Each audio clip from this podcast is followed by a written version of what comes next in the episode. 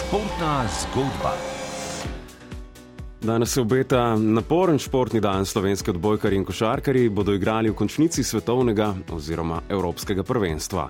Košarkari v Berlinu branijo naslovni, naslov evropskih prvakov. Pred tekmo v osmini finala z Belgijo več Franci Paušer. Včeraj so v Berlinu predstavili film o poti slovenske košarkarske reprezentance na vrh stare celine, o poti do naslova evropskih prvakov pred petimi leti. Dokumentarni film, ki je bil v domovini premjerno predstavljen junija. Film ima preprost naslov 2017. In ob sinočni predstavitvi je bilo najpogostejše vprašanje, ali bo nastal tudi film 2022 torej o letošnjem Evropskem prvenstvu. Vsi so imeli v mislih nov naslov prvakov. V teh dneh je že zaokrožilo nekaj videoposnetkov slavja naših košarkarjev v garderobi in na avtobusu. Režiserju in scenaristu Goranu Vojnoviču so številni že namigovali, da se že nabira material za nov film. A Goran odvrača, da mu je ta košarkarski film preveč nakravžal živce, da se je spoprijemal s preveč težavami, da bi se lotil novega projekta da mu je že pri odločitvi o tem filmu glava govorila, da ne, srce pa ja, in se je vendarle lotil.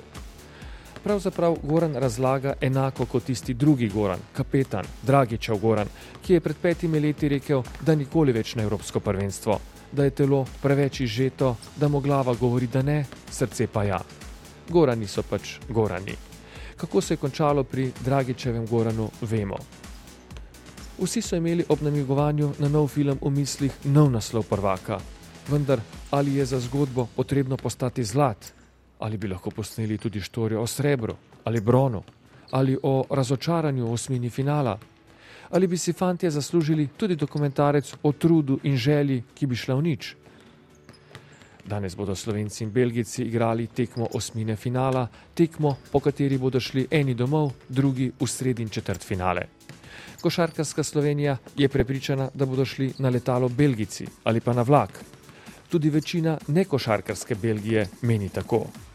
Za zdaj na tem prvenstvu ni spadla še nobena velika reprezentanca. Danes bodo prve ali Francija ali Turčija ali Litva ali Španija. Slovenski navijači se pripravljajo na pohod na Berlin prihodnji konec tedna na polfinale. Na slovenskem veleposlaništvu so pripravljeni tudi na obisk državnih poglavarjev na finalni tekmi. Pripravljeni so tudi košarkari, ki pa si ne bodo smeli privoščiti nobenega slabega dneva več. V naslednjem tednu bomo izvedeli, kakšna bo zgodba 2022.